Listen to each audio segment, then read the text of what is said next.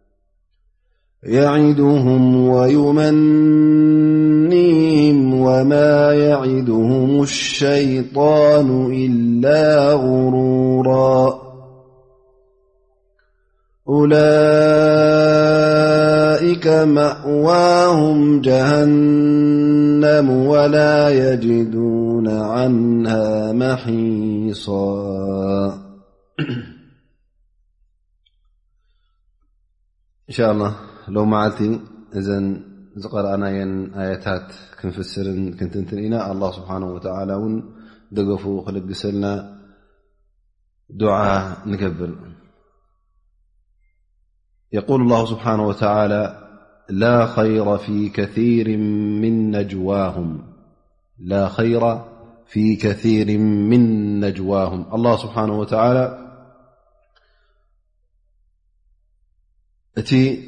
ደቂ ሰብ ነንሕዶም ዝዛረብዎ ነንሕዶም ዝመኽርዎ መብዝሕቱ ሰናይ ከም ዘይኮነ ር ከም ዘይብሉ ኣላ ስብሓን ወተላ ኣብዚ ኣያ እዚኣ ይጠቅስ ኣሎ ማለት እዩ ሰዋእን ብሓፈሽኡ እቲ ሰብ ዝዛረቦ ወይ እውን እቲ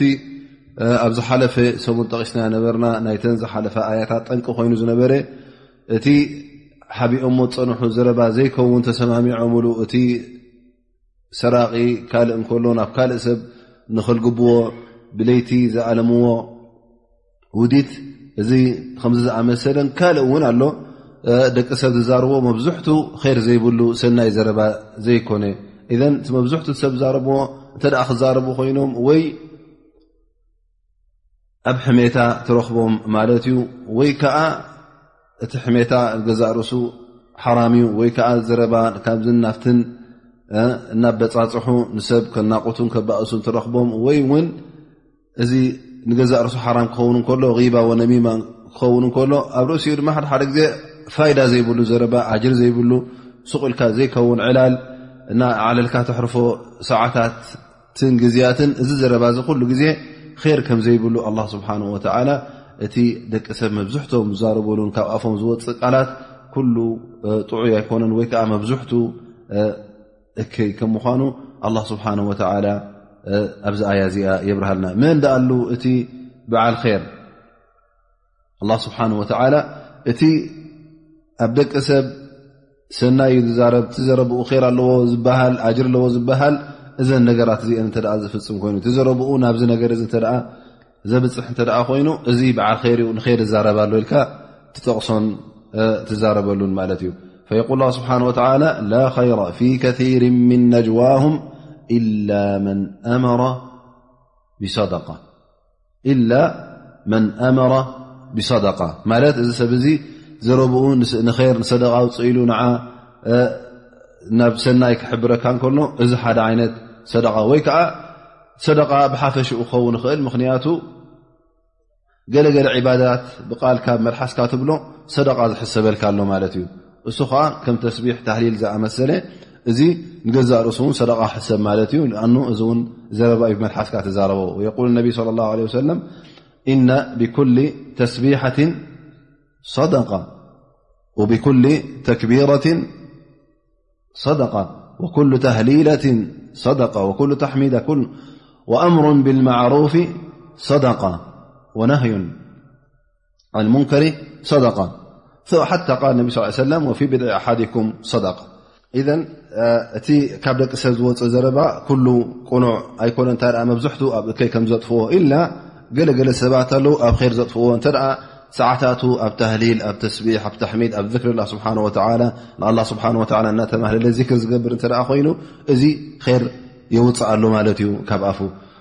ካብዚ ዝተረፈ ኩሉ ኣብ ምንታይ ኢኻ ተጥፍኦ ወይ ኣብ ዕላል ኣብ ዘይከውን ዘረባ ኣብ ምፅራፍ ኣብ ናይ ኣዱንያ ነገር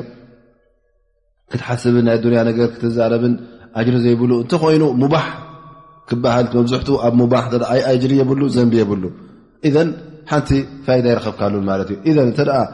ቃላትካን ዘረባኻን ኣጅርን ሰናይን ክትረክበሉ እተ ኮይንካ ቀዳማይ ነገር እማ ኢላ መን ኣመረ ብሰደቀት ኣው ማዕሩፍ ከምኡ ውን ማዕሩፍ ዝበሃል ድማ ኩሉ ኣላ ስብሓን ወተላ ዝፈትዎ ንቡር ዝኾነ ኣብ ሰብን ኣብ ቅድሚ ኣብ ዓይኒ ኣላ ስብሓን ወተላ ኣብ ዓይኒ ደቂ ሰብን እዚ ር እዩ ዝበሃል ነገር እንተ ናብኡ ትደፋፍእ ኮንካ ትዝራባኻ ናብኡ ዘተኮረ እተ ኮይንካ እዚ በዓል ር ማለት ኢኻ ትዛረቦ ዘለኻ ር ዩ ኣጅሪ ኣለዎ ኣላ ስብሓ ወላ ይፈትዎዩ ፅባሕ ንግሆ ውን ኣላ ስብሓ ወላ በዚ ዘረባ እዚ ሰናይ ክፈድየካ እዩ ካብ መቕፃዕቲ እውን ከድሐነካ እዩ ኢላ መን ኣመረ ብሰደቀት ኣው እስላሕ በይና ናስ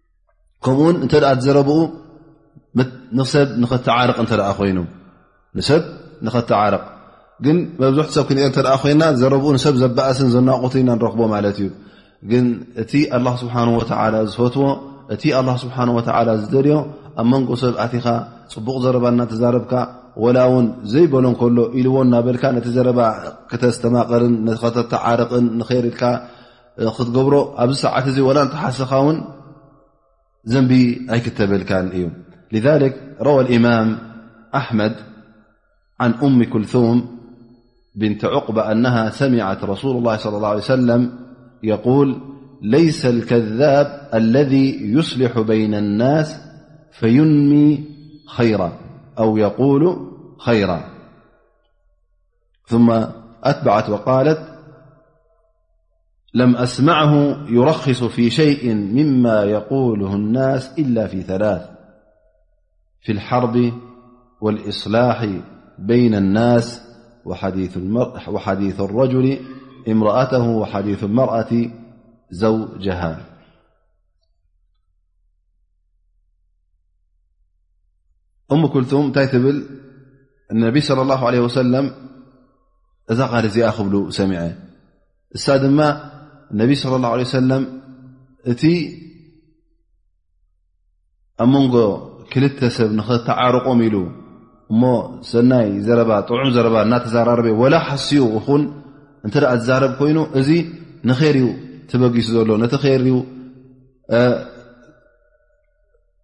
ኣገዲስዎ ናብኡ ላዕልን ታሕትን ስለ ዝብል ዘሎ ወላ ንኣብነት ሓደ ሰብ እተ ክልተ ኦም ተባኢሶም ኮይኖም ባእሲ ኣሎ ኮይኑ ከተዓርቆም ኢሉ ንኣብነት እንተ መፅኡ ያ ፍላን እስኻ ኮ ፍላን መብዝሕቲ ግዜ ብከይሪ ዝዝክረካ ነይሩ እስኻ ካብኡ ተቆጢዕካ ኣለኻ ፀላእካ መሲሉካ እሱ ብድሕሪካ ብፅቡቕ ይዝክረካ ጽቡቕ ኣይዘከሮን ግን ምእንቲ እቲ ኣብ መንጎ ክልቲኦም ዘሎ ቅርሕንቲ ንክወሓሓድ ኢሉ ብድሕሪኡ ብፅቡቕ ከም ዝሰምዖ ብፅቡቕ ከም ዝጠቕሶ ከምኡ ውን ፅቡቕ ዘረባ ከም ዘውፅእ ንክተሓርቕ ድሉ ከም ምኳኑ ከም ዝኣመሰለ ንክልቲኦም ዘቀራርብ ወላ ዘይበልዎ ከሎ እቲ ዘይበሎ እቲ ዘይበሎ ከሎ እተ ናብ ር ዘላግብ እተ ኮይኑ እዚ ሰብ እዚ ይሕሱ የለን ምክንያቱ እዚ ሓሶት ኣይቁፅርን እዩ ምክንያቱ ሰብ እዚ ነዞም ሰባት እዚኦም ከተዓርቕ ስለ ተዛረቦ እዚ ዘረባ እዚ እነቢ صለ ላ ለ ወሰለም ር ከም ምኳኑ ጠቒሶም ፈዩንሚ ኸይራ ኣው የቁሉ ኸይራ ንምእንቲ ንኦም ንኸተዓርቕ ኢሉ እቲ ክሰናይ ነገር ናብቲ ር ኢሉ ወላ ሓሶት ይሕውጥሰሉ ማለት እዩ ግን ብኣንፃር እተ ንኸትበእሲ ኢሉ ብሓቅን ወላ ብሓቂ እተ ተዛሪቡ ከምዚ ኢሉ እኳ እዩ ኢሉ ሰሚዕዋ ይታ ዘረባ ብሓቂ ኣይልዋ ነይሩ እቲ ከምዚ ኢሉ እኳ ኢሉ እተ እዛ ነገር እዚኣ ተናቑት ኮይና እዚኣ ነገር ከብፅሕ ከሎ ወላ ታቓል ዝብላ ዘሎ ሓቂ ትኹን ግን ኣብ ባእሲ ስለ ተብፅሕ ኣብ መነውቃት ስለ ተብፅሕ እዛ ነገር እዚኣ ነቢ صለ ላ ለ ወሰለም ነሚማ ከም ምዃና ሓቢሮምና ማለት እዩ ነሚማ ማለት ከዓ ኣብ መንጎ ክልተ ሰባት ከምዚ ኢሉ ካ በደካ ለክዓካ እናበልካ ንክልትኦም ከተባእስን ከተናቑስን ክትርከብ ከለኻ እዚ ነሚማ ይበሃል ካብኡ ውን ነቢ ስ ሰለም ብጣዕሚ ኣጠንቂቖምና እዮም እቲ ሓደ ካብቲ መቕፃዕቲ እውን ዓዛብ ቀብሪ ከም ምኳኑ ነቢ ስ ላ ሰለም ሓደ ግዜ ክሓልፉ ከለዉ ክልተ ቀብሪ ብአን ይሓልፉ ነይሮም ማለት እዩ ነቢ ስ ሰለም እዞም ሰብ ክልተ መቃብር እዞም ኣብዘን ቀብሪ ዘለዉ ኣላ ስብሓን ወተዓላ መቕፃዕቲ የሳቅዮም ከምዘሎ ሓቢሮም እቲ ሓደ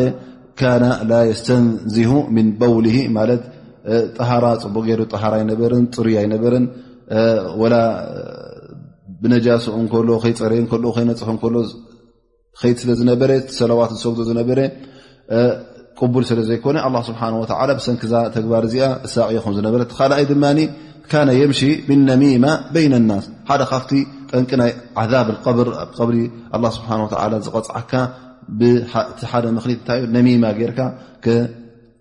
ሰብ ከተባእስን ከተናቁትን እንከለኻ እዩ ብኣንፃሩ ግን እስላሕ በይነናስ ዝገብር ከለካ እቲ ዝዓበየ ተግባር ካብ ንገዛእ ርእሱ ካብ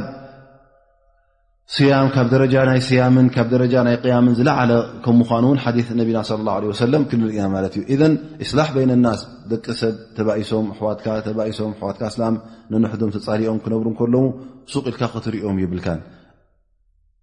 ዓብይ ግደ ክትፃወት ኣለካ ምክንያቱ እዚ መፍቶት ሸይጣን ስለ ዝኾነ ተናቑቶም ተፃሊኦም ክነብሩ ከለዉ እዚ ተግባር እዚ ኣላ ስብሓን ወላ ዘይፈቶ ስለ ዝኾነ ሰለስተ መዓልቲ ብዘይ ሰላም ብዘይ ዘረባ ክሕልፍዎ ከለዉ ድሕሪ ሰለስተ መዓልቲ እንተ ሓደኦም ዓፈ በለኒ ኢሉ እንተ ዘይተመለሰ እዞም ክልተ ሰባት እዚኦም ክልቲኦም ኣብ ዘንቢ ይቕፅሉ ከም ዘለዉ እነቢ ለ ላ ለ ወሰለም ዝኾነ ይኹን ኣስላማይ ንሓዉ እስላማይ ሲ ህጅራን ማለት ክገድፎ ኣብኡ ከሎ ክገድፎ የብሉን ብዘይ ሰላም ብዘይ ዘረባ ኣብ መንጎኦም ባእስን ምብትታኽን ክመፅእ ከም ዘይብሉ እነቢ ለ ላ ለ ወሰለም ሓቢሮምና እዮም ላ የሕሉ ልምርን ኣን ያህጅሮ ኣኻሁ ፈውቀ ላት ካብ ሰለስተ መዓልቲ ብዝያዳ ተባኢስካ ተባሂልካስ ካብኡ ንላዕሊ ንንሕትካ ክትባተኽ የብልካን እንታይ ደኣ ሕውነት ዝዓበየ ሕውነት ናይ እስልምና ስለ ዘሎ እቲዓበየ ሕውነት ናይ እምነት ኣብሓደ እምነት ብሓደ ኣላ ብሓደ ነቢ ተኣምኑስ ከመይ ጌርኩም ኢኹም ትበኣሱ ስለዚ እቲ መሰል ናይ ኣስላማይ ንንሕትካ እውን ትቀንዲ መሰል እንተ ደኣ ረኪብካዮ ሰላም ክትብሎ ስለ ዝኾነ እዚ ዋጅብ እዚ ግዴታ ተግባር ስለ ዝኾነ ነዚ ግዴታ ተግባር ከመይ ጌርካ ንስኻ ከይገበርካዮ ትሓልፎ ስለዚ እቲ ባእሲ ክርከብ እንከሎ መፍቶት ሸይጣን ስለ ዝኾነ ንሸይጣን ከተቆጥዕን ንሸይጣን እውን ክትሕርርን እዚ ሓደ ካብቲ ኣድላይ ኣላ ስብሓን ወተዓላ ዝፈትዎ ተግባር ስለ ዝኾነ ንሕና ኩላህና እንተ ደኣ ንፈልጦም ሰባት ኣለዉ ኮይኖም ዘይተባእሱ ዘይፋተዉ ኣብቲ ዝነበርዎ ፍቕርን ኣብቲ ዝነበርዎ ሕውነትን ንክንትመልሶም ክንቃለስ ኣለና ማለት እዩ ምክንያቱ ዝተግባር እዚ ዓቢ ስለ ዝኾነ ንገዛእ ርእሱ ሹፍ እቲ ከዛብ ዝበሃል ሰብ ሓሳዊ ዝበሃል ሰብ መን ይፈትዎ ዝፈትዎ ሰብ የለን ሓሶት ዘረባ ንገዛእ ርእሱ ዓብ ዘንቢ እዩ ግን ኣብ ሕውነትን ኣብ ምፍቕቓርን እተ ሓሶት ኣእትዩላ ንሰብ ንኸፋቕር ኢሉ ነቲ ተባኢሶ ነበሩ ከተዓርቕ እተ ኢሉ ኣላ ስብሓን ወተዓላ እዚ ኩሉ ናይ ሓሶት ዘንቢ ኣይሓስበሉ ማለት እዩ ሓሶት ኣይሓስባን እዩ ስለምንታይ እቲ ዝዓበየ ካብታ ሓሶት ስምንታይ ተፀሊኡ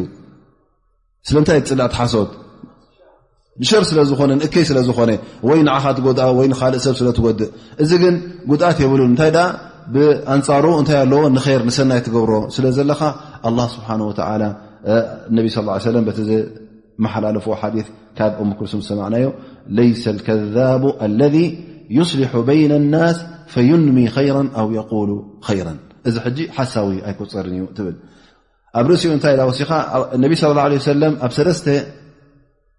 ቦታታት ወይከዓ ኣብ ሰለስተ ነገራት እንተ ሓደ ሰብ ሓስዩ ንክሕሱ እውን ዘፍቀድሉ ሰለስተ ነገራት ኣለዋ ትብል ማለት እዩ ሓንቲ ኣብ ኩናት ማለት እዩ እተ ፀላእኻ ኮይኑ ኣብ ኩናት ኣለካ ኮይንካ ንፀላኢኻ ዕድል ኣይትቦን ኢኻ ማለት ኩሉ እቲ ምሳኻ ዘሎ ምስጢር ኩሉ እቲ ምሳኻ ዘሎ እታ ክትገብር ኢኻ ፅባሕ እታ ክትገብር ከ ብኣንፃሩ ኢኻ ትዛረቡ ማለት እዩ ዋላ እውን እንተ ሓቲት እኳ ውን እቲ ቕኑዕ መልሲ ክትቦ ኣይትገደድን ኢኻ እንታይ ዋላ ትሓስኻ ውን ይፍቀደካ ማለት እዩ ምክንያቱ እስኻ ንሱን ሕጂ ኣቲ ዝዓበየ ባእሲ ስለ ዘሎ መንጎኹም ስለዚ ንዕኡስ ሓቂ ክዛረቦ ኣለኒ ከምዝን ከምዝን ኣለኒ ኣነ ከምዚ መዓልቲ ክመፀካያ ከምዚ መዓልቲ ክዋጋእየ ከምዚ ኣለዉኒ ወተሃደራተይ ክንዲዚ ቁፅሮም ኢልካ ክትዛረብ ሕጂ ሓቂ ትዛረብ ኣለኹ ኢልካ እዚ ሕጂ ረቢ ከይፀላእኒ ኢልካ ይሕሱን እዮ ክትብል የብልካን ስለዚ ዋላ ክትሕተት ከለኻ እተ ፀላእ ዝሰምዖ ኮይኑ ትዘይብልካ ኣለን እንተበልካ እውን እዚ ንኸተፈራርሆ ኢልካ ወይ ከዓ ንኡ ንኸተረሕቕ ኢልካ እንተ ተዛሪብካዮ እዚ ኣብ ኩናት ስለ ዘለኻ እፍቀደካ ማለት እዩ ወይ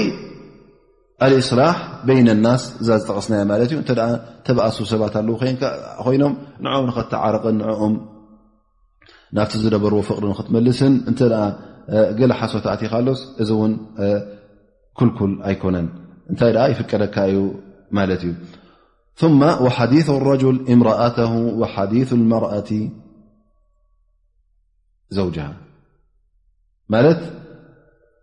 ሰበይቲ ንሰብኣያ ወይ ከዓ ሰብኣይ ንሰበይቱ እውን ንኸፍትዎም ማለት እዩ እሳ ንኸተፍትዎ ንሱ ንኸፍትዋ ማለት ክትሕሱ ማለት ከዓ ናይ ፍቕሪ ዘይኮነስ ናይ ካልእ ነገር ክትሕሱ ንዑ ንክተጠፋፍኦ ገንዘቡ ንክትበልዖ ማለት ኣይኮነን ክትሕሱ ጃእዝ ኢለውና ሰበይትና ንሕስበላ እሞኒ ብሓሲካ ኣቢልካ ገንዘባ ክተጠፋፍኣላ ንብረታ ክተጥፍኣላ ማለት ኣይኮነን እንታይ ደኣ ሓሲኻ ንኸተፍትዋ ማለት ምናልባሽ እዛ ሰበይትኻ እዚኣ ምስኣ ንኽትነብር ፅሊእካ እያኻ ዘለኻ ግን ቆልዑት ስለ ዘለዎ ካ ተሓዳር ንኸይብትን ትቕፅል ትብላ ኣነ ፈትወኪ እየ ትብላ መታን ክትርይሓካ ማለት እዩ ከተብል ህኮት ከይተእትወልካ ወይ እቲ ሰብኣይ እውን እተ ዘሸግራ ኮይኑ ኣነ ፈትወካ ኣነ ፍቅረካ ኢላ ፅቡቕ ዘረባ ጥዑም ዘረባ ክትዛረቦ ከላ ወላ ኣብቲ ልባ ዘሎ ፍቕሪ የለን ንኸውን ግን እሳ እቲ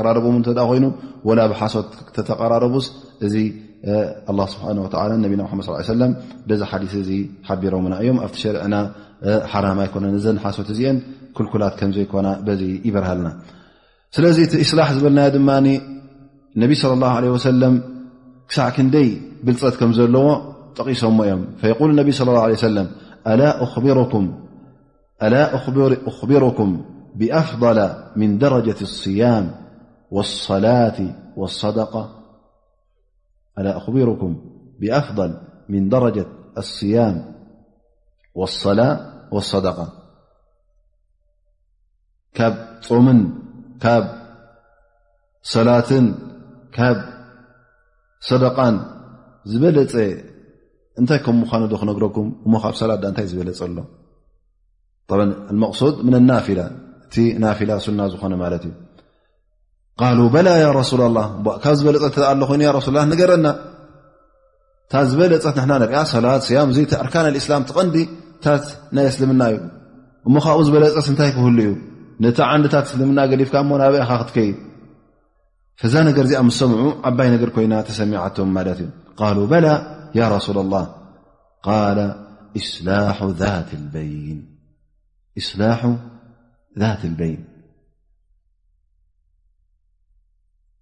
ኣብ መንጎ ሰብኣት ኢኻ ሰብ ንኽትዓርቕ እዚኣ እታ ዝዓበየት ካብ ሰላትን ካብ ስያምን ካብ ሰደቃን ይብሉ ነቢና ሙሓመድ ለ ላ ለ ወሰለም እቲ ዝዓበየ ሰደቃ ተውፅኦ እዚ እዩ እቲ ዝዓበየ ዕባዳ ትገብሮ ንኣ ስብሓ ላ ስብሓ ዝፈትዎ እዚ እዩ እዞም ሰባት እዚኦም ዝበእሱ ዘለዉ ሰብኣይን ሰበይትን ይኹኑ ወድን ኣቦን ይኹኑ ሓውን ሓብትን ይኹኑ ክልተ ኣሕዋት ይኹኑ ኣዕሩኽ ይኹኑ ጎረባብቲ ይኹኑ ዝኾነ ይኹን ርክብ ነይርዎም ወይ ከዓ ቅድሚ ሕጂ እውን ኣይነበሮምን ይኹን ርክብ ግን እንተ ብገለ ነገር ተራኺቦም እተ ብ ፅልእን ናብ ምበኣስን ናብ ምንቋት እተ በፂሖም ነዚኦም ከተተዓረከለኻ ዓብ ዕባዳ ኢኻ ትገብር ዘለኻ እዚ ነጥቢ እዚ ድማ ንሕና ምናልባሽ ገለገለ ሰባት ላዕሊ ታሕተን ይብሉ ዝኾኑ ቀሊል ነገር ዝገብሩ ዘለዎ ይመስለና ግን ኣላ ስብሓን ወላ ዝገብርዎ ዘለዎ ኣብ ቅድሚ ኣላ ስብሓን ወላ ዓብይ ከም ምዃኑ ክበርሃልና ይኽእል እቲ ዝደኽምዎ ዘለዎ ድኻም እቲ ላዕሊ ታሕትን ዝልዎ ዘለዎ ድብኻን ድማ ኣላ ስብሓን ወላ ኮንቱ ከምዘይሰዶ ክንፈልጦ ኣለና ማለት እዩ ስለዚ እቲ ግዜታት ኣብኡ ዘሕልፍዎ እቲ ሰዓታት ኣብ ሰብ ምትዕራቕ ዘሕልፍዎ እቲ ሰዓታት ኣብ ላዕልን ታሕትን ኣብእቲ ዝሰምዕዎ ዘረባ ሓንሳ ከተዓርቑ ኢሎም ክኣትዉ ከለዉ እሶም ሕማቕ ዘረባ ውን ክሰምዑ ይኽእሉ እዮም ንኦም ዘይገብርዎ እስኹም ከምዚ ኢኹም ትገብሩ እስኹም ከይር የብልኩም ዝብል ዘረባ ውን ክሰምዑ ይኾኑ እዮም እዚ ኩሉ ዘረባ ተሰኪሞም እዚ ኩሉ እናሰምዑ ከለዉ ንኦም ዘሕርቕን ንኦም ዘበሳጩን ዘረባ እናሰምዑ ከለዉ ነዚ ተሰኪሞም እሞ ሕናስ እቲ ኣላ ስብሓን ወተላ እቲ ዕርቂ እቲ ፍቕሪ ኣላ ስብሓን ወተዓላ ስለ ዝፈትዎን ስለ ዝኣዘዘናን ኢሎም ናብዚ ጉዳይ እዚ ህርዲግ ኢሎም ክቃለሱ ከለዉ ኣላ ስብሓን ወተዓላ ፈፂሙ እቲ ዝገብርዎ ዘለዎ ከምዘይጥፍኣሎም ኮንቱ ከምዘይሰደሎም ክንፈልጦ ይግብኣና ማለት እዩ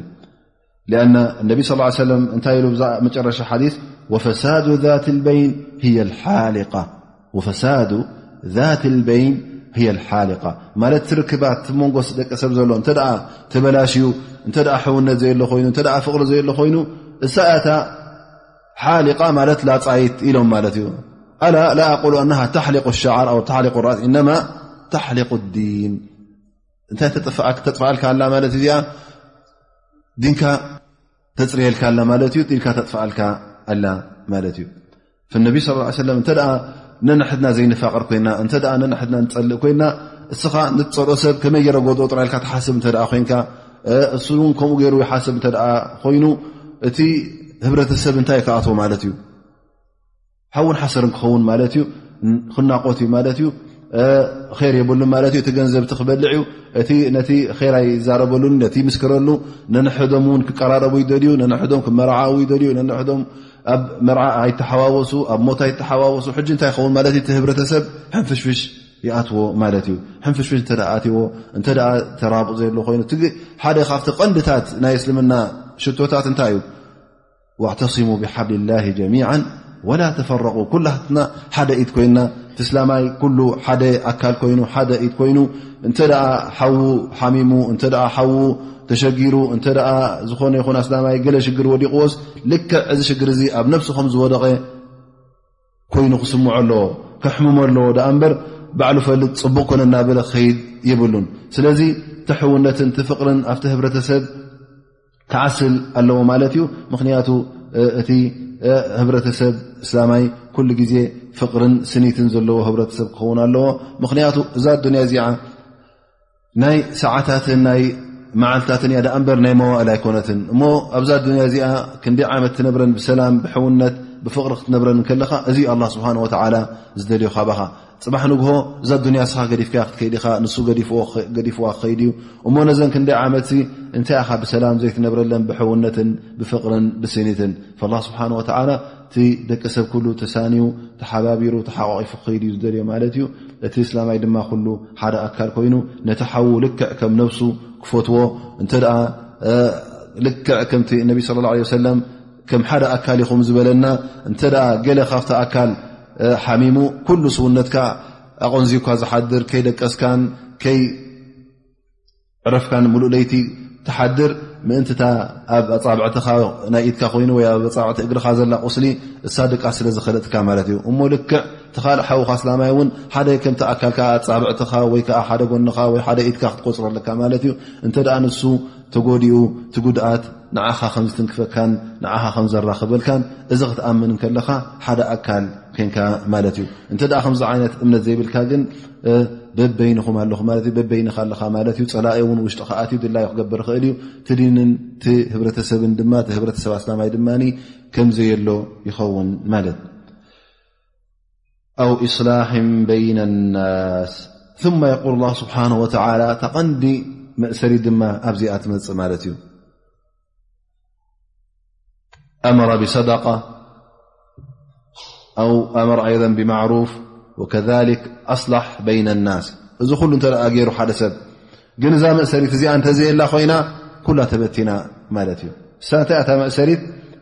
የቁል ላ ስብሓን ወተላ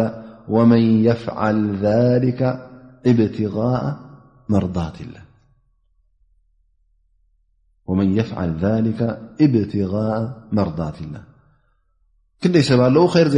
ዝገብሩ ሰባት ሰናይ ዝገብር ሰብ ትርእዮ ማለት እዩ ሰብ ከተዓርቕ ትረኽቦ ተባኢሶም ሰብኣይን ሰበይትን ኮይኖም ኣብ መንጎኛ ይኣ እተ ገለ ተረኺቡ ላዕልን ታሕትን ይብል እንተ ኣ እዚ ሰብ እዚ እቲ ዝገብሮ ዘሎ እቲ ዘርሖ ዘሎ ስራሕ ጥራይ ክሸምዎ ሽማግለ ንክኸውን ሽማግለ ዓዲ ንክኸውን ሽመኛ ናይ ዓዲ ንክኸውን ውሩይ ንክኸውን እቲ ክፈትወሉ እቲ ክግየፀሉ እቲ ክስሕቀሉ ዝደሊ እንተ ደኣ ኮይኑ እዛ ዝገብራ ዘሎ ስራሕ እቲ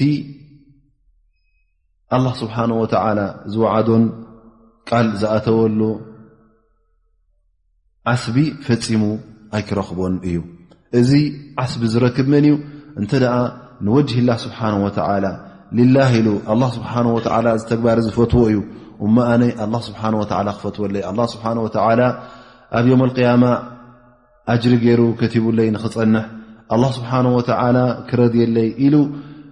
ንኣላ ስብሓን ወተዓላ ምስኡ ካልእ እውን ሽርካ ከይገበረ እንተ ደኣ ገይርዎ ግን ኣላ ስብሓን ወተዓላ ኣጅሩን እቲ ዓስቡን ኣብ ዮም ኣልቅያማ ኩሉ ኣኪብዎ ክፀንሕ እዩ እቲ ኣጅሩን ዓስቡን እውን ቀሊል ኣይኮነን እንታይ ደኣ ሕሉፍ ዘይብሉ ዓብዪ ኣጅሪ እዩ ዝፅበዮ ዘሎ ሊዛሊክ ኣላ ስብሓን ወተዓላ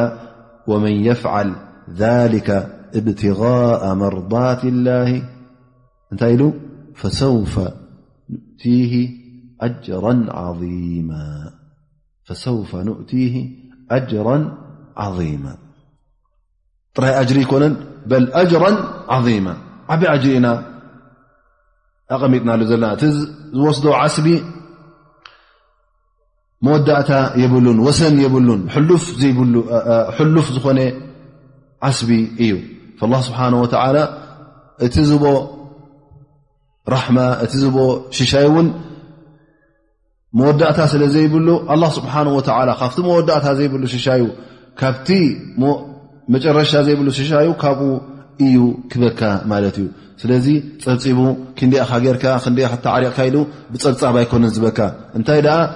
ከይቆፀረን ከይፀብፀበን እትትገብሮ ዝነበርካ ንኣላ ስብሓን ወተላ ስለዝኾነ እቲ ትገብሮ ዝነበርካ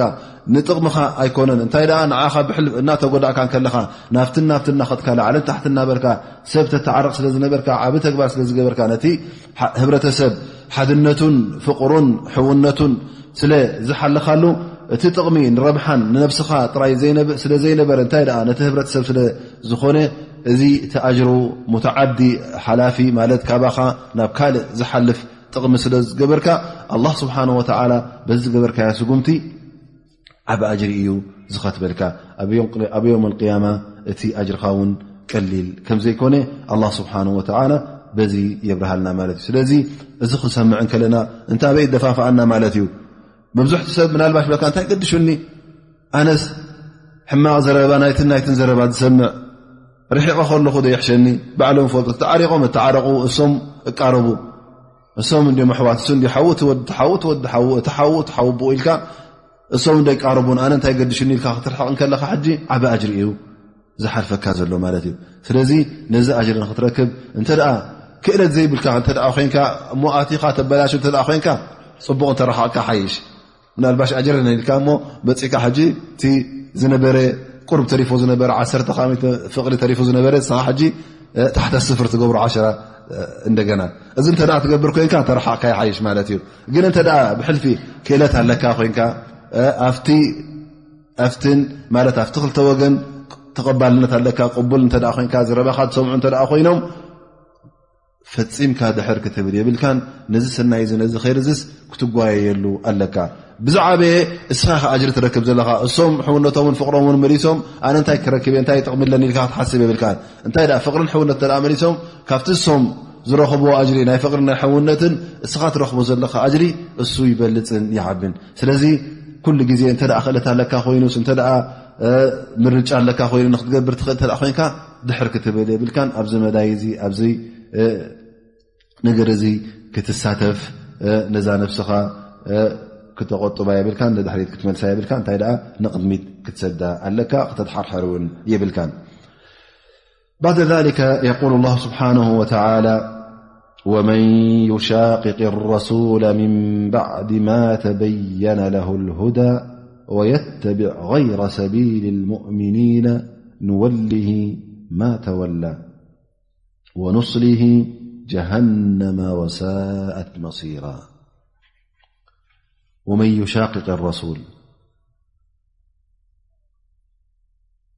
እዛ ኣያ እዚኣ ከምቲ ዝበልናዮ ውን መስቲ ዝሓለፈ ኣያታት ተኣሰረት እያ ኢሎም ከምኡ ክበሃል ከሎ ድማ ሓፈሻዊ ትርጉማን ሓፈሻዊ ማዕናኣን ውን ተማሊኣቶ እያ እትኸይድ ማለትና እቲ ዝሓለፈ ዝጠቐስናዮ ዛንታ ናይቲ ገንዘብ ሰብ ሰሪቑ ኣይሰረቕኩን ኢሉ እቲ ሙናፍቕ ኣብ ካልእ ዘልገባ እዚ ሰብ እዚ ይብሉ ኣብ መጨረሻ እታ ጉዳይ ምስ ተፈለጠት እታ ጉዳይ ምስ ተኸሸፈት እታ ፈዲሓ እውን ኣብ ኩሉ ምስ ተነዝሐት ሽመይ ክኸፍእ ኢሉ እንታይ ይገብር ማለት እዚ ሰብ እዚ ካብ መዲና ወፅኡ ናበይ ይኸይድ ሃዲሙ ናብ ሙሽርኪን ንመካ ናብቶም ሙሽርኪን ተዓቂቡ ኣብኡ ይነብር ኣብኡ ይመውት ማለት እዩ ስለዚ ካብቲ መሬት ናይ ኢማን ካብቲ ዓዲ ኢማን ኣስላማ ኢሉ ነብር ነበረ ሙናፍቅ ዝነበረ ሰብ ናፍቲ ክሕደት ተመለሰ እዚ ሰብ እዚ እታ ጉዳይ ምስ ረኣያ ከምዚ ምስ ኮነት እዛ ኣያ እዚኣ እውን ንዕኡ ተመልክት እያ ይብሉ ኣብ ርእሲኡ እውን ነቲ ካልእ እውን እተ ነዚ ከምዝኣመሰለ መገዲ ሒዙ ዝከይድ እውን ንዕኡ ትሕብር ወይከዓ ንዕኡ እውን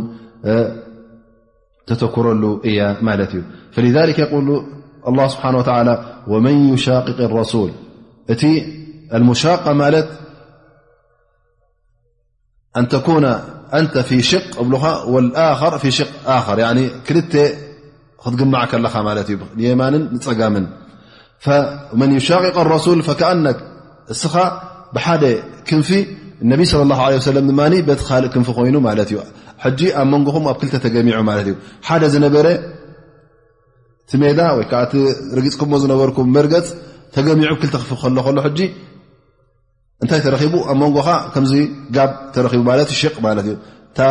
ቃል ካብ ዝመፅ ማለት እዩ ወመን ዩሻቅቅ ረሱላ ማና ኣስበሓ ፊ ሽቅ ነቢ ረሱ ሰለም ፊ ሽቅ ማለት እዩ ማለት ክልተ መዓስከር በበይኖም ኮይኖም ማለት እዩ እዘን እቲ መዓስከር ናይ ነቢና መድ ስ ሰለም በይኑ እቲ ካልእ ሽርክ ሒዝዎ ዘለዉ መዓስከር ድማ ንበይኑ ኮይኑ ማለት እዩ ወመን ዩሻቅቅ ረሱል እቲ መገዲ ነቢና ሓመድ صለ ላ ለ ሰለም ዝገድፍ እቲ ነቢና ሓመድ صለ ላ ለ ሰለም ሒዞሞ ዝመፁ ሸሪዓ ንዕኡ ዝገድፍ እዚ ሰብ እዚ እሞ ከዓ እቲ ሓቂ ምስ ተገለፀሉ ምን ባዕድ ማ ተበየነ ለ ሁዳ ሓቂ ምስ ፈለጠ መገዲ ሓቂ ምስ ፈለጠ ሸርዒ ምስ ፈለጠ ኩሉ ምስ በረሃሉ ተኸሸፈሉን እዚ ሰብ እዚ እናረኣየን እናሰምዐን እናፈለጠን ከሎ እተ ሸነኽ ናይ እስልምናን ሸነኽ ናይ መገዲ ሓቅን ሸነኽ ናይ ነቢን ገዲፉ ናብ ካልእ ሸነኽ እተ ከይዱ ከምኡ ውን ወየተቢዕ غይረ ሰቢል ሙእምኒን መገዲ ናይቶም ሙእምኒን ገዲፉ ምስቶም ክሓቲ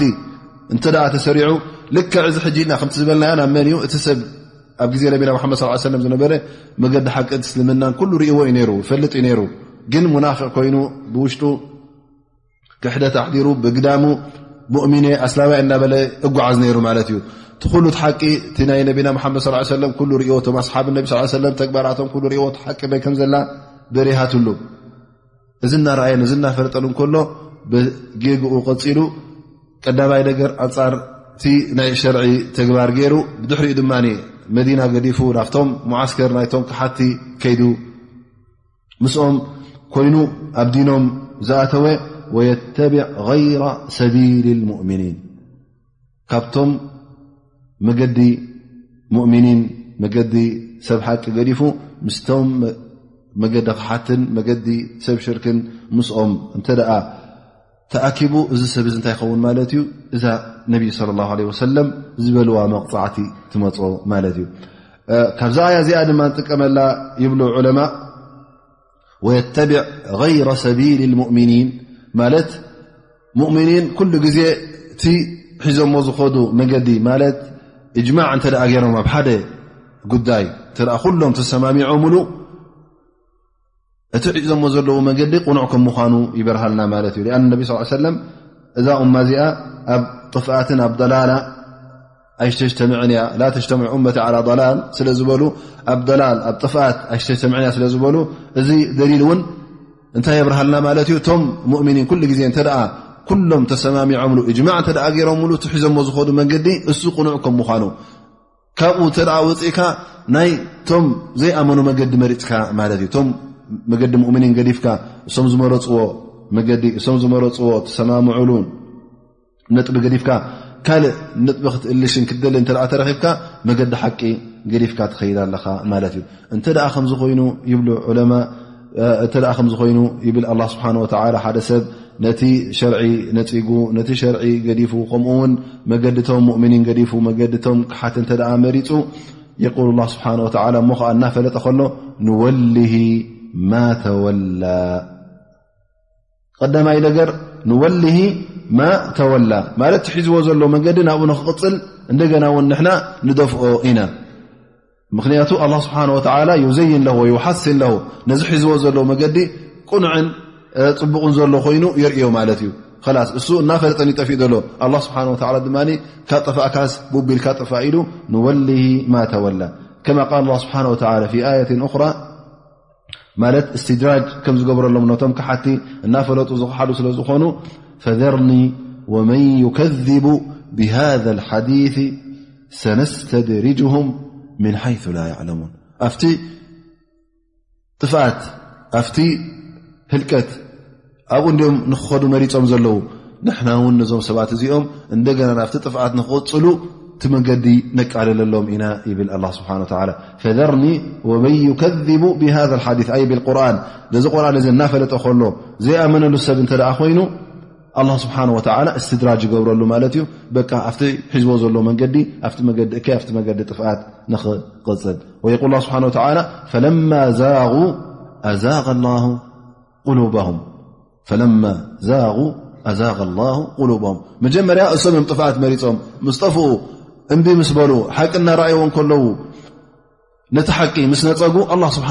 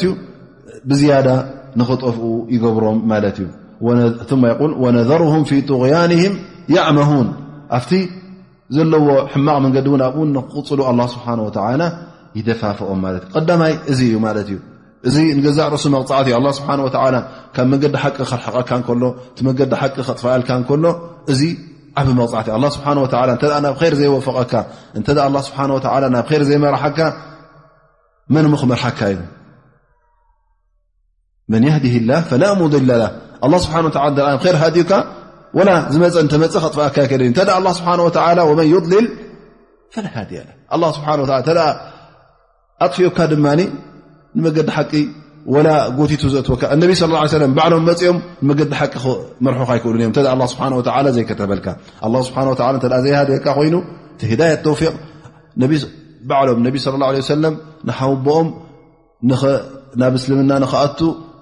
ሕኽ ኢሎም እዮም ግን ኣላ ስብሓን ወተላ ስለ ዘይደየለየሉ በታ ዝነበራ ክሕደት ብኣ ሞይቱ ማለት እዩ እዘን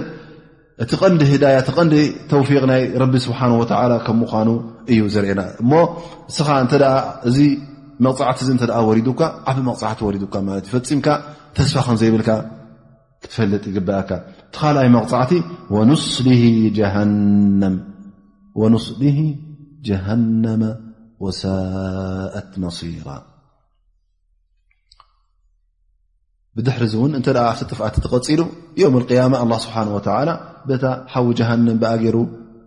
ከቃፅሎን ክፀልዎን ብዛ እሳተ ጀሃንም ኣብኣ ከቃፅሎ ከም ምኳኑ መቕፃዕቱ ሳ ከም ምኳና እውን ኣላ ስብሓን ወተላ ይሕብረና ማለት እዩ እዘን እታ መዕለቢቶምን እታ ናይ መጨረሻ ዝኣትውላ መዓልቦ እንታይ ትኸውን ኣላ ማለት እዩ ሓዊ ጀሃንም ካብኣ ዝኸፍአ ድማ የለን ወሳኣት መሲራ ዝኸፍአ መዓልቦ እንተ ክጥቀስ ኮይኑ ኣይና እዩ እቲ መዓልቦ ናይ ሓዊ ጀሃንም እዩ እቲ ዝበለፀ መዓልቦ ክጥቀስ ተ ኮይኑ ድማ እቲ መጨረሻ ናይ ጀና መዓልቦ እዩ እሞ እዛ ነገር እዚኣ ቀላል ኣይኮነትን ማለት እዩ ስለዚ እዚ ሰብ ዚ ባዕሉ እንድዩ ካብቲ መገዲ ሓቂ ካብቲ መገዲ ሁዳ እናርኣዮ ከሎ ባዕሉ ጠፍኡ ኣላ ስብሓን ወላ ድማ ነዚ ሰብ እዚ ከምዝኣመሰለ መቕፃዕቲ የውርደሎም ማለት እዩ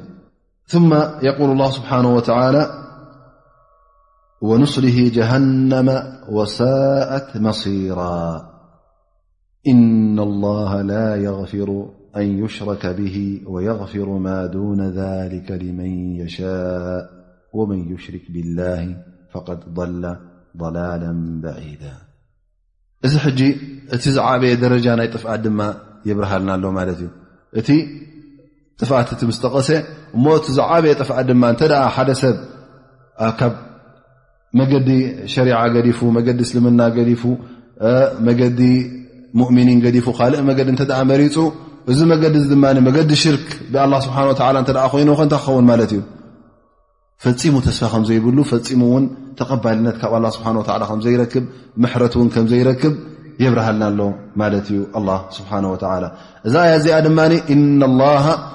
ላ የፊሩ ኣን ዩሽረከ ብሂ ወየፊሩ ማ ዱነ ሊከ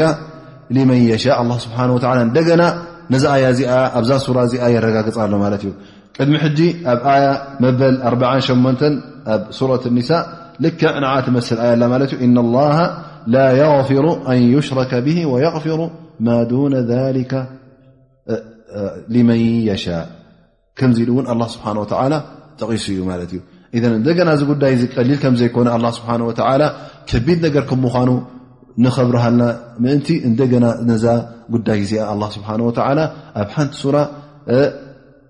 ኣላ ስብሓን ወተዓላ ይደግማ ማለት እዩ ኣብ መንጎኦን ዳርጋ ሱሳ ኣያ ኣቢለን ኣለዋ ማለት እዩ እዚ ሕጂ እንታይ እዩ ዘብርሃልና ኣገዳስነት ናይዚ ጉዳይ እዙ ነዚ ጉዳይ እዚ እውን ኣገዳሲ ከም ምዃኑ እቲ ናይ ምስ ኣላ ስብሓን ወተዓላ ሽርካ ንክተኣ ጌርካ ዓብይ ወንጀል ካብ መገዲ እስልምና ዘውፅእ ከም ምዃኑ ነቢ ለ ላ ለ ወሰለም እውን ሓቢሮምና እዮም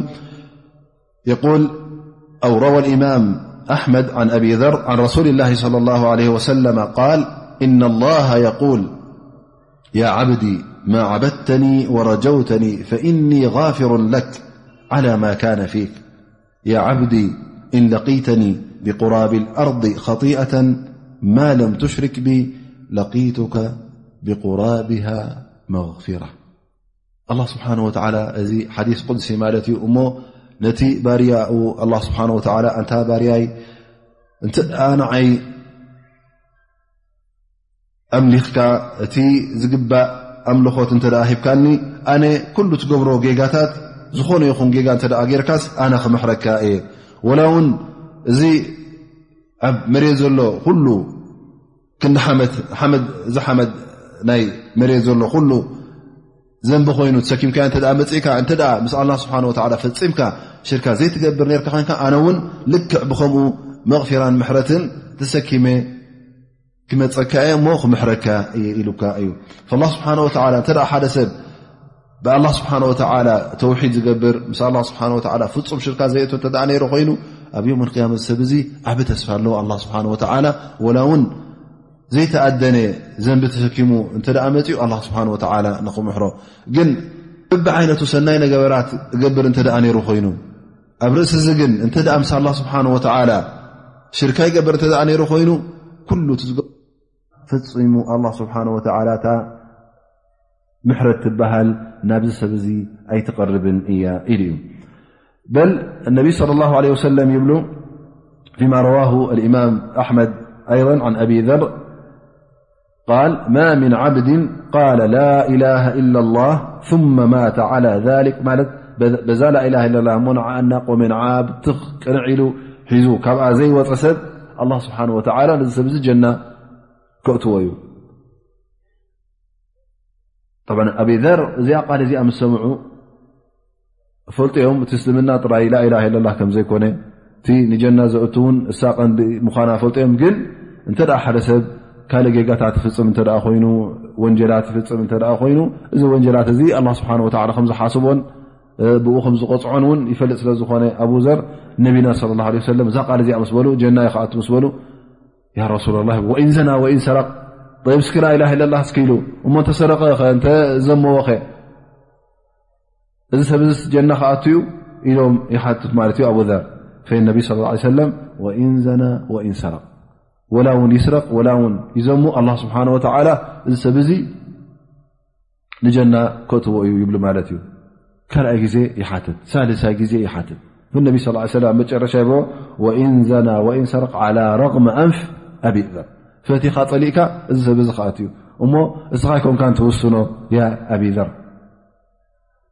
እዚ ማለት ከዓ ኣላ ስብሓን ወተላ ነዚ ሰብ እዚ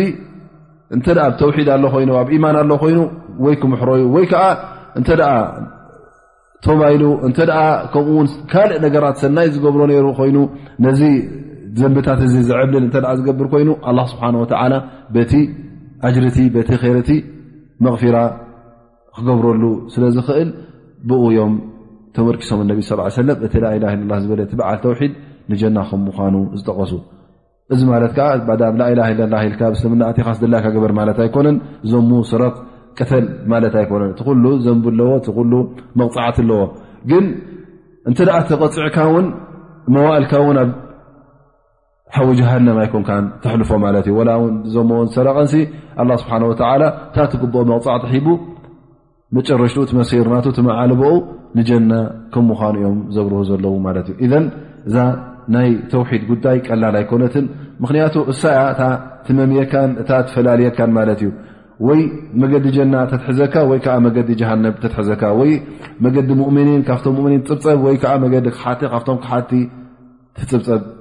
ብየነይቲ በዛ ናይ ተውሒድ ነገር ማለት እዩ ስለዚ እቲ ናይ ተውሒድ ነገር ቀሊል ነጥቢ ይኮነን ኩላህና ክንግደሰሉ ኣለና ኣብቲ ዓቂዳና ኣብቲ እምነትና ዝትንክፍ ነገር እተ ኣሎ ኮይኑስ ፈፂምና እተወላ ውን ዘጠራጠረና እተ ኮይኑስ ፈፂምና ክንቀርቦ የብልና እቲ ካልእ ጌጋታት እንሻ ላ ላ ስብሓን ወተላ ከምዚ ነቢና ሓመድ ስ ሰለም ዝበልዎ ምሕረት ንረክበሉ መቕፊራ ንረክበሉ በቲ ካልእ ሰናይ ንገብሮ ዘለና ን ብኡ ተተኪኡ ብኡ ክስረ ዘለና ይኽእል እዩ ግን ሽርካ ትበሃል ነገር ምስ ኣላ ስብሓን ወተላ ንካልእ እንተ ኣምልኾት ትህብ ኮንካ እቲ ንኣላ ስብሓን ወተላ ዝግባእ ናይ ሰላት ኮይኑ ናይ ስያም ኮይኑ ናይ ስግደት ኮይኑ ናይ ሰደቃ ምሃብ ኮይኑ ናይ ምሕራድ ኮይኑ ናይ ድዓ ምግባር ኮይኑ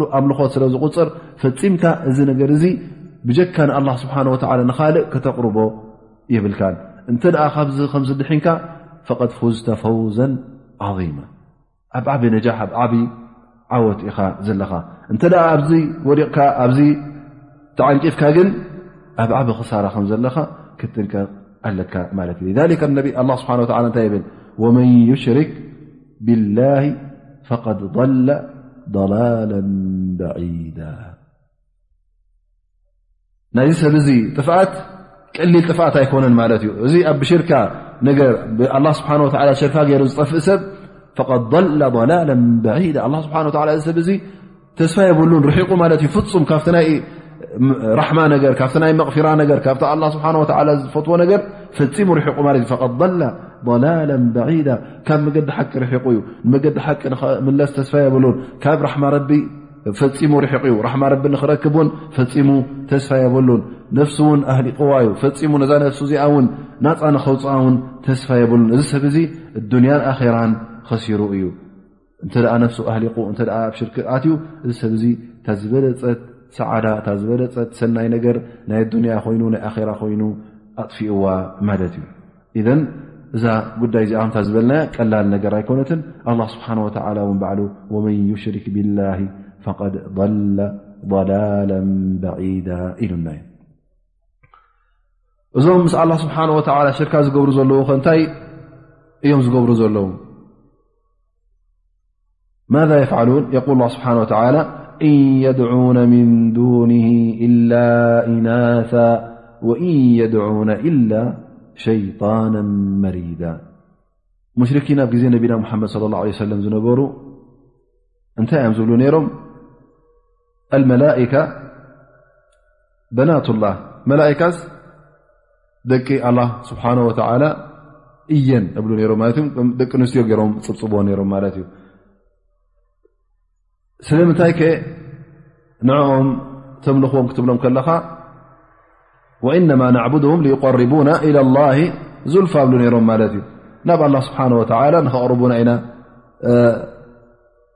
ዱዓ ንገብረሎም ዘሎ ማለት መንጎኛ ማለት እዩ ንሕና እቲ ጠቓምን ጎዳእምን ኣላ ስብሓን ወላ ቀንዲ ብቐንዲ ሱ ምኳኑ ንፈልጥ ኢና ግን እንተ ደኣ ነዚኦም ዘየፍተና ነዚኦም ዘይበልና እውን ናብኡ ክንሓልፍ ስለ ዘይንኽእል መጀመርያ ነተን መላእካ ነፍትወን እሰን ምኽንያቱ ደቂ ኣምላኽ ወይከዓ ደቂ ጎይታ ስለ ዝኾና ኢሎም እዚ ዓይነት ኣረኣእያ ነይርዎም ማለት እዩ ላ ስብሓ ቀዳማይ ነገር ንኦም ውን ነዘን መላካ ሕጂ ስእልዎን ነሮም ማለት ዩ ከም ሰነም ከም ምስሊ ገይሮም ወላ መንገብገብ ገይሮም ሰርሑለን እዚኣ ሕጂ መላካ ን ደ ጎይታ ን ንስገደለን ኢሎም ይሰግዱለን ነሮም ማለት ዩ ወይ ከዓ ቲ ንኣላ ስብሓን ወላ ክወሃብ ዝግብኦ ኣምልኾት ንመንቦ ነይሮ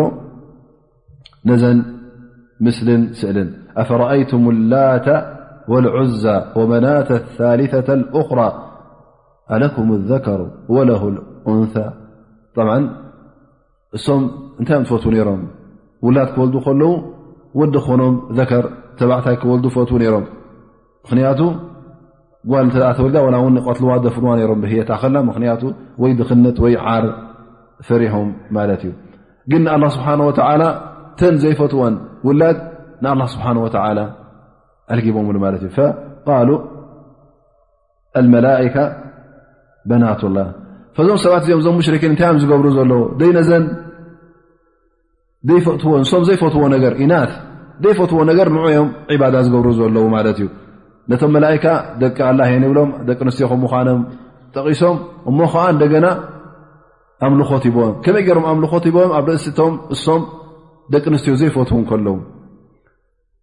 እን የድዑነ ምን ዱን ኢላ ኢናታ ብድሕሪኡ ድማ እዚ ብሓቂ እተ እቲ ዘምልኽዎ ዘለዉ ክፈልጡ ኮይኖም ንመላእካ ኣይኮኑ ዘምልኹ ዘለዉ ንመን ኣ ንሸይጣን እዮም ዘምልኹ ዘለዉ ምኽንያቱ መን እዩ ትእዛዝ መን እዮም ዝሰምዑ ዘለዉ ኣ ስብሓ ወ ንዓይ ኣምልኹ ብሎም ኣሎ ንኣ ስብሓ ወ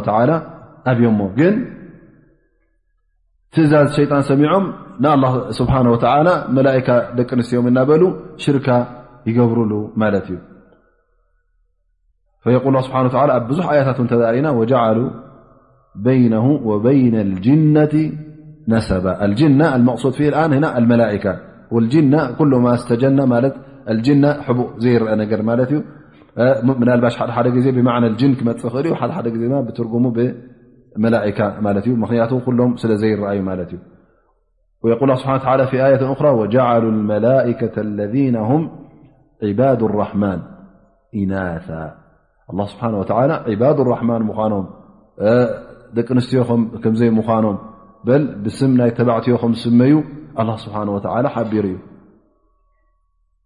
ግን እዞም ሰባት እዚኦም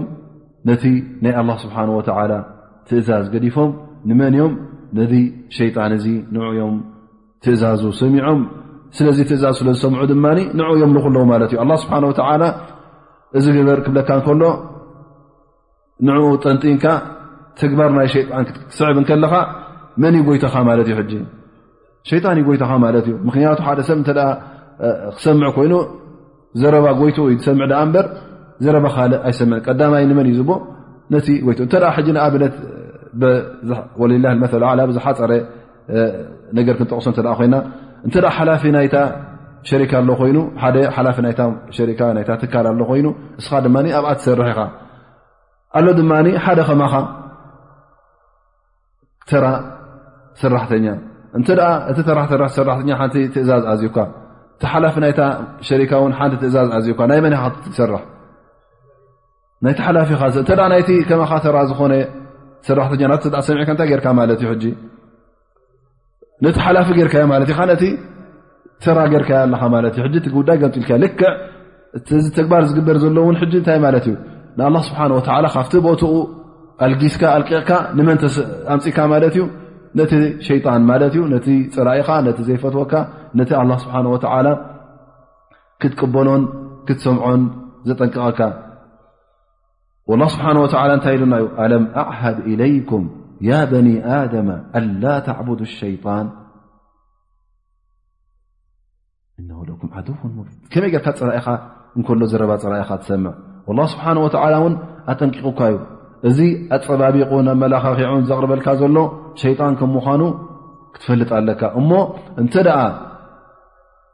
ነቲ ትእዛዝ ኣላ ጥሒስካ እሞ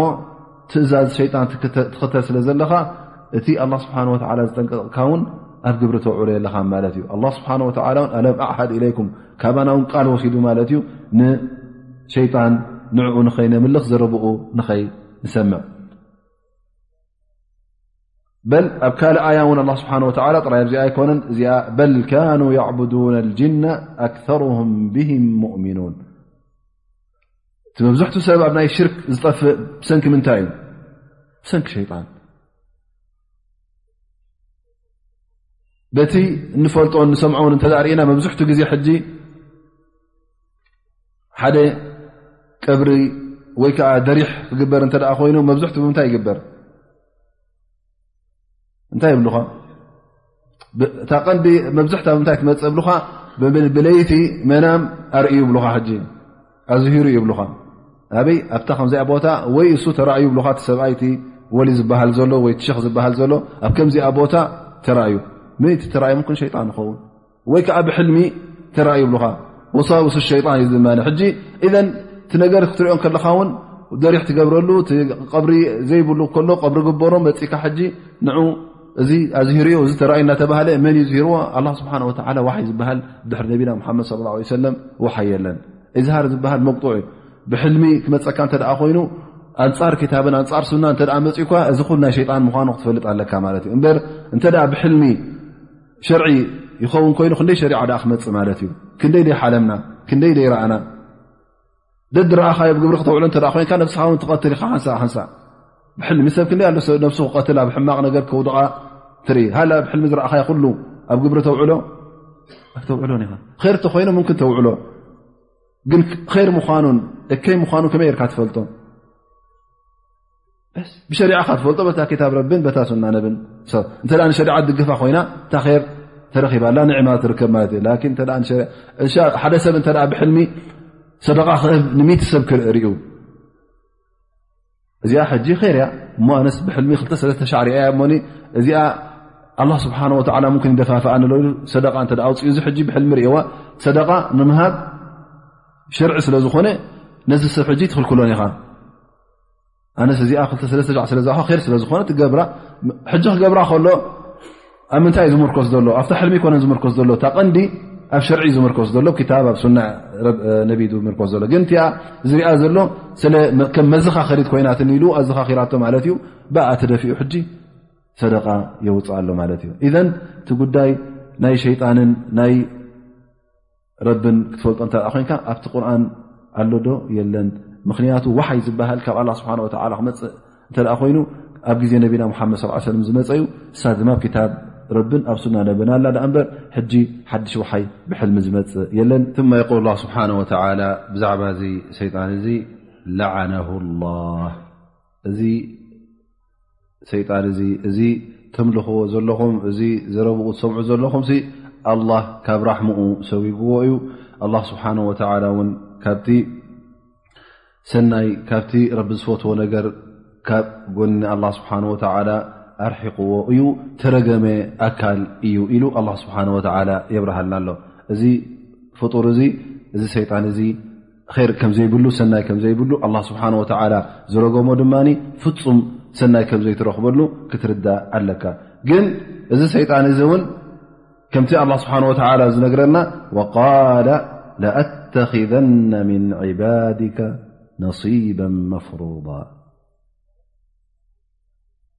ማለት ሰይጣን እዚ ካብቶም ንኣላ ስብሓን ወተላ ይብሎ ካብቶም ባሮትካስ ኣነ ናተይ እጃመይ ናተይ ግደ ብዝኾነ መንገዲ ክወስድ እየ ኢሉ ቃል ኣትዩ እዩ ግጃም ኣለኒ እጃም ኣለኒ እዚ ቀዳማይ ነገር ንኩሉ ሰብ ከጥፍእ ከም ዘይክእል ይበርሃልና ኣሎ ማለት እዩ ኣብ ርእሲኡ ድማ እጃም ናይ ሸይጣን ከም ዘሎ እውን ይበርሃልና ኣሎ ማለት እዩ ኣብዛ ኣዱንያ እዚኣ ደቂ ሰብ ገሊኦም ባሮት ናይ ኣላ ክኾኑ ከለዉ ገሊኦም ድማ ባሮት ናይ ሸይጣን ክኾኑ ከም ምኳኑ ሸይጣን ከም ዘጥፍኦም እውን በዚ ይበርሃልና ማለት እዩ ለኣተኪዘና ምን ዕባድካ ኣልኣስል ብቐንዱ ባሮት ኣላ ኢና ኩላና ኩላና ኣ ስብሓ ዝፈጠረና ግዴታ ኩላና ንኣ ስብሓ ወላ ኢና ክነምልኽ ዝግብኣና ግን ገሌና ትእዛዝ ኣላ ስብሓ ወላ ስለ ንጥሕስ ገሌና ነቲ ኣላ ስብሓ ወላ ዝበለና ገዲፍና ናብ መገዲ ሸይጣን ስለ ንኸይድ እዚ ሸይጣን እዚ ናተይ ዕድለይ ናተይ ግደ ኣለኒ ናተይ እጃም ሒዘ ክተርፍ እየ ፍሉጥ ነሲበን መፍሩዳ ከምዚ ኣብ እዚ ነገር እዚ ፍርድ እዩ ክትብሎ ከለኻ ግዴታ ወይ ከዓ ልክዕ ከምዚ ኣብ ፈራኢድ ኣብ ናይ ሚራት ከዛረቡ ከለዉ ሕጂ እዚ ፈርድ ከዛ ብሎኻ ማለት ነሲቡ እጃሙ ከምዚ እዩ ፈኢዘ እጃማይ ኣለኒ ነሲባይ ኣለኒ ካባይ ዘይሓልፉ ኢሉ እውን ተዛሪቡ እዩ እዚ ሸይጣን እዚ እዚ ሰይጣን እዚ መታይ እዩ ዝገብር ተን ተግባራቱ ኣላ ስብሓን ወተላ ኣብዚ የብርሃልና ማለት እዩ ነሲባ መፍሩض ምስ በለ እንታይ እ ክገብር ወለእضለናሁም እዞም ነሲብናተይ ሒዘዮም ክጠፍ እየ መሪሐዮም ናብ መገዲ እከይ ክኸይድ እየ ወለእضለናሁም ካብ መገዲ ሓቅስ ከጥፍኦም እየ ወለእመንየናሁም ከምኡ ውን ብትምኒት ገረ ከጠፋፍኦም እየ እቲ ትምኒት እንታይ እዩ ሓደ ሰብ ኣብ ጌጋ ክወድቕ እንከሎ ማዕስያ ክገብር እንከሎ ንፅባሕ ንድሕሪ ፅባሕ ኣለኹ እንደ እናበለ ንፅባሕ ብድሕሪ ፅባሕ እናበለ ኣበይ ይጠፍእ ማለት እዩ ብትምኒትን ኣማንን ኮይኑ ብተስፋ ጥራይ እናገበረ ኣነ እንሻ ላ ድሕሪ ዓመት ቶባ ክብል እየ እንሻ ላ ድሕሪ ክንዲዚ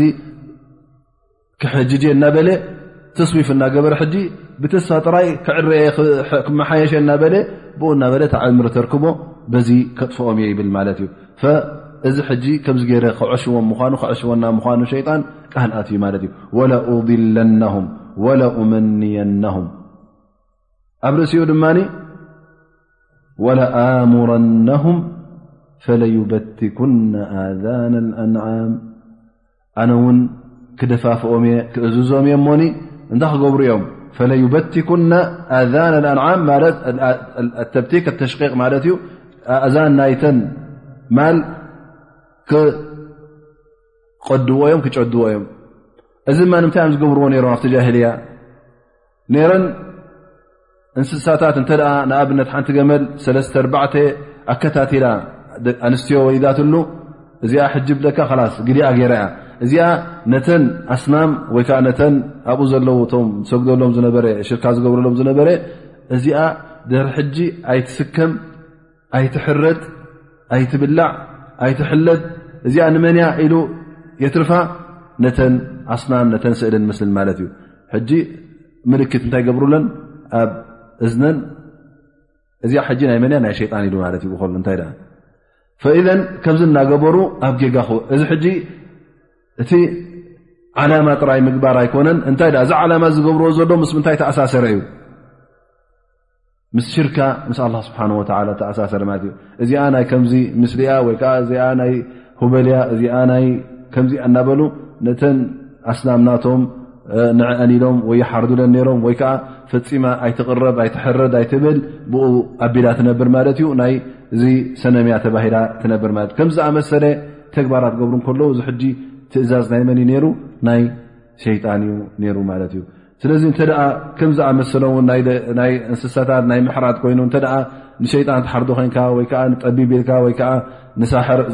ትሓርድ እተ ኮንካ ልክዕ ትእዛዝ ናይ መን ካ ትኽተል ዘለኻ ማለት እዩ ትእዛዝ ሸይጣን ኢኻ ትኽተል ዘለኻ ላ ስብሓ ወ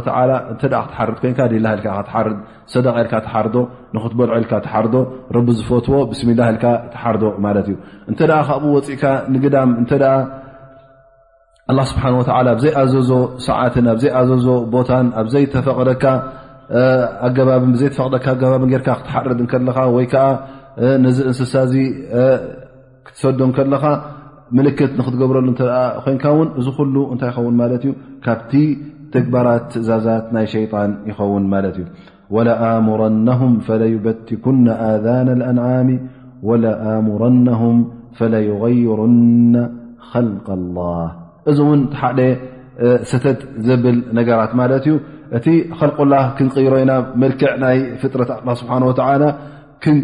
ንክቕይሩ ውን ክእዝዞም እየ ይብል ማለት እዩ እሱ ከዓ ክልተ እዩ ይብሉ ተር ባጥን ናይ ውሽጣውን ተር ናይ ظህር ከዓ ናይ ግዳማውን ይብሉ እቲ ተር ባጥን ማለት ነቲ ፍጡር ነቲ ህፃን ገና ክፍጠር ሎ ክለቕ ከሎ እንታይ ክለቕ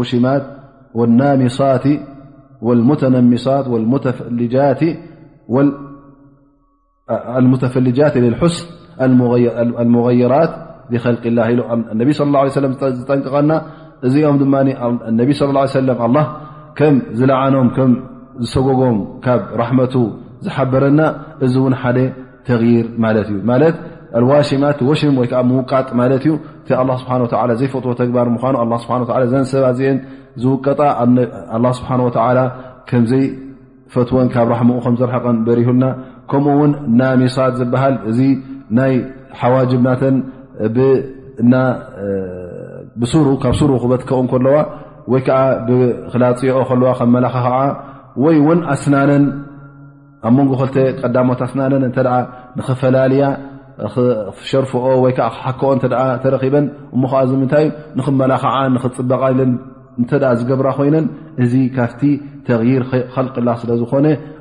ኣላ ስብሓን ወተላ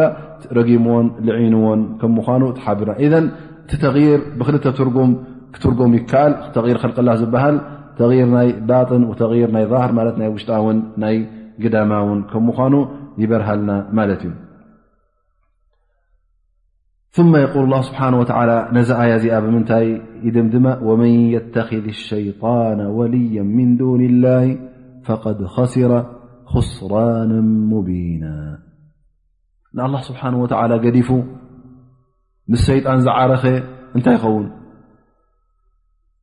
እዚ ኸሰረ ክስራንን ሙቢና እዚ ዝኸሰሮ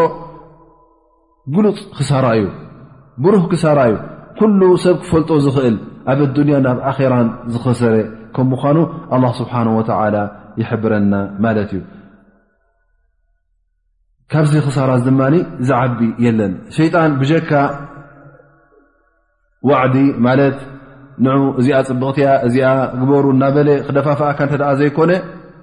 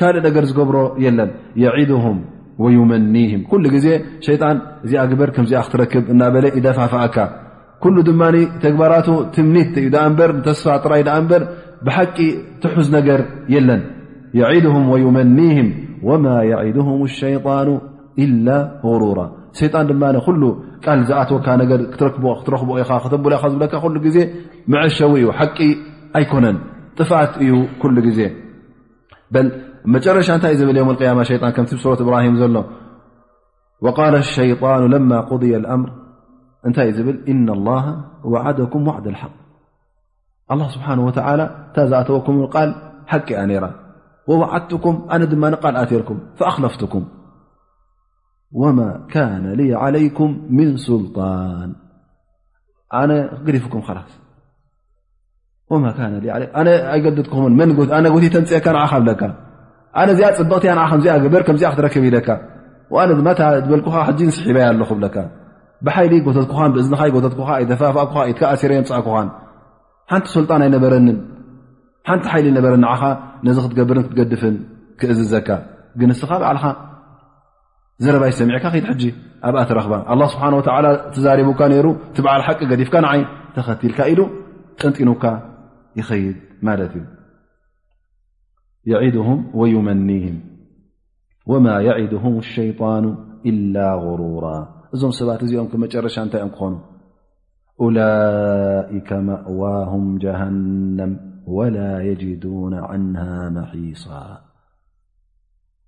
እዞም ሰባት እዚኦም ቦትኦም ገዝኦም መስፈሪኦም ኣበይ እዩ ጀሃንም እዞም ረቢ ገዲፎም ኣላ ገዲፎም ሸይጣን ተኸተሉ መጨረሽትኦም ኣበይ እዩ ኣብዛ ሓዊ ጀሃንም እሳያ መሲሮም እሳያ መዕለቢቶም ካብኣ ድማ ፈፂሞም ክለቁን ክወፁን ኣይክእሉን እዮም ካብኣ ዝከላኸልሎም ፈፂሙ የለን ካብኣ ዘውፅኦም የለን ካብኣ ዘናግፎም ኣይክረኽቡን እዮም እዘ እንተ ደኣ ከምዝ ኮይኑስ ስለምንታይ ኢና ድድሕሪ ሰይጣን ዞኽዞኽ ንብል ምስ ኣላ ስብሓን ወላ ድድሕሪ ኣላ ትእዛዛት ኣላ ትእዛዛት ነቢና ሙሓመድ ስ ላ ሰለም ተኸትልና ናብኡ ዘይነምርሕ ኣቁሉ ቀውሊ ሃ ኣስኣላ ስብሓን ወላ أن يوفقني وإياكم لما يحب ويرضى سبحانك اللهم وبحمدك وأشهد أن لا إله إلا الله أستغفرك وأتوب إليك أسأل الله سبحانه وتعالى أن ينفعنا بما سمعنا وما علمنا وصلى الله على سيدنا محمد على آله وصحبه وسلم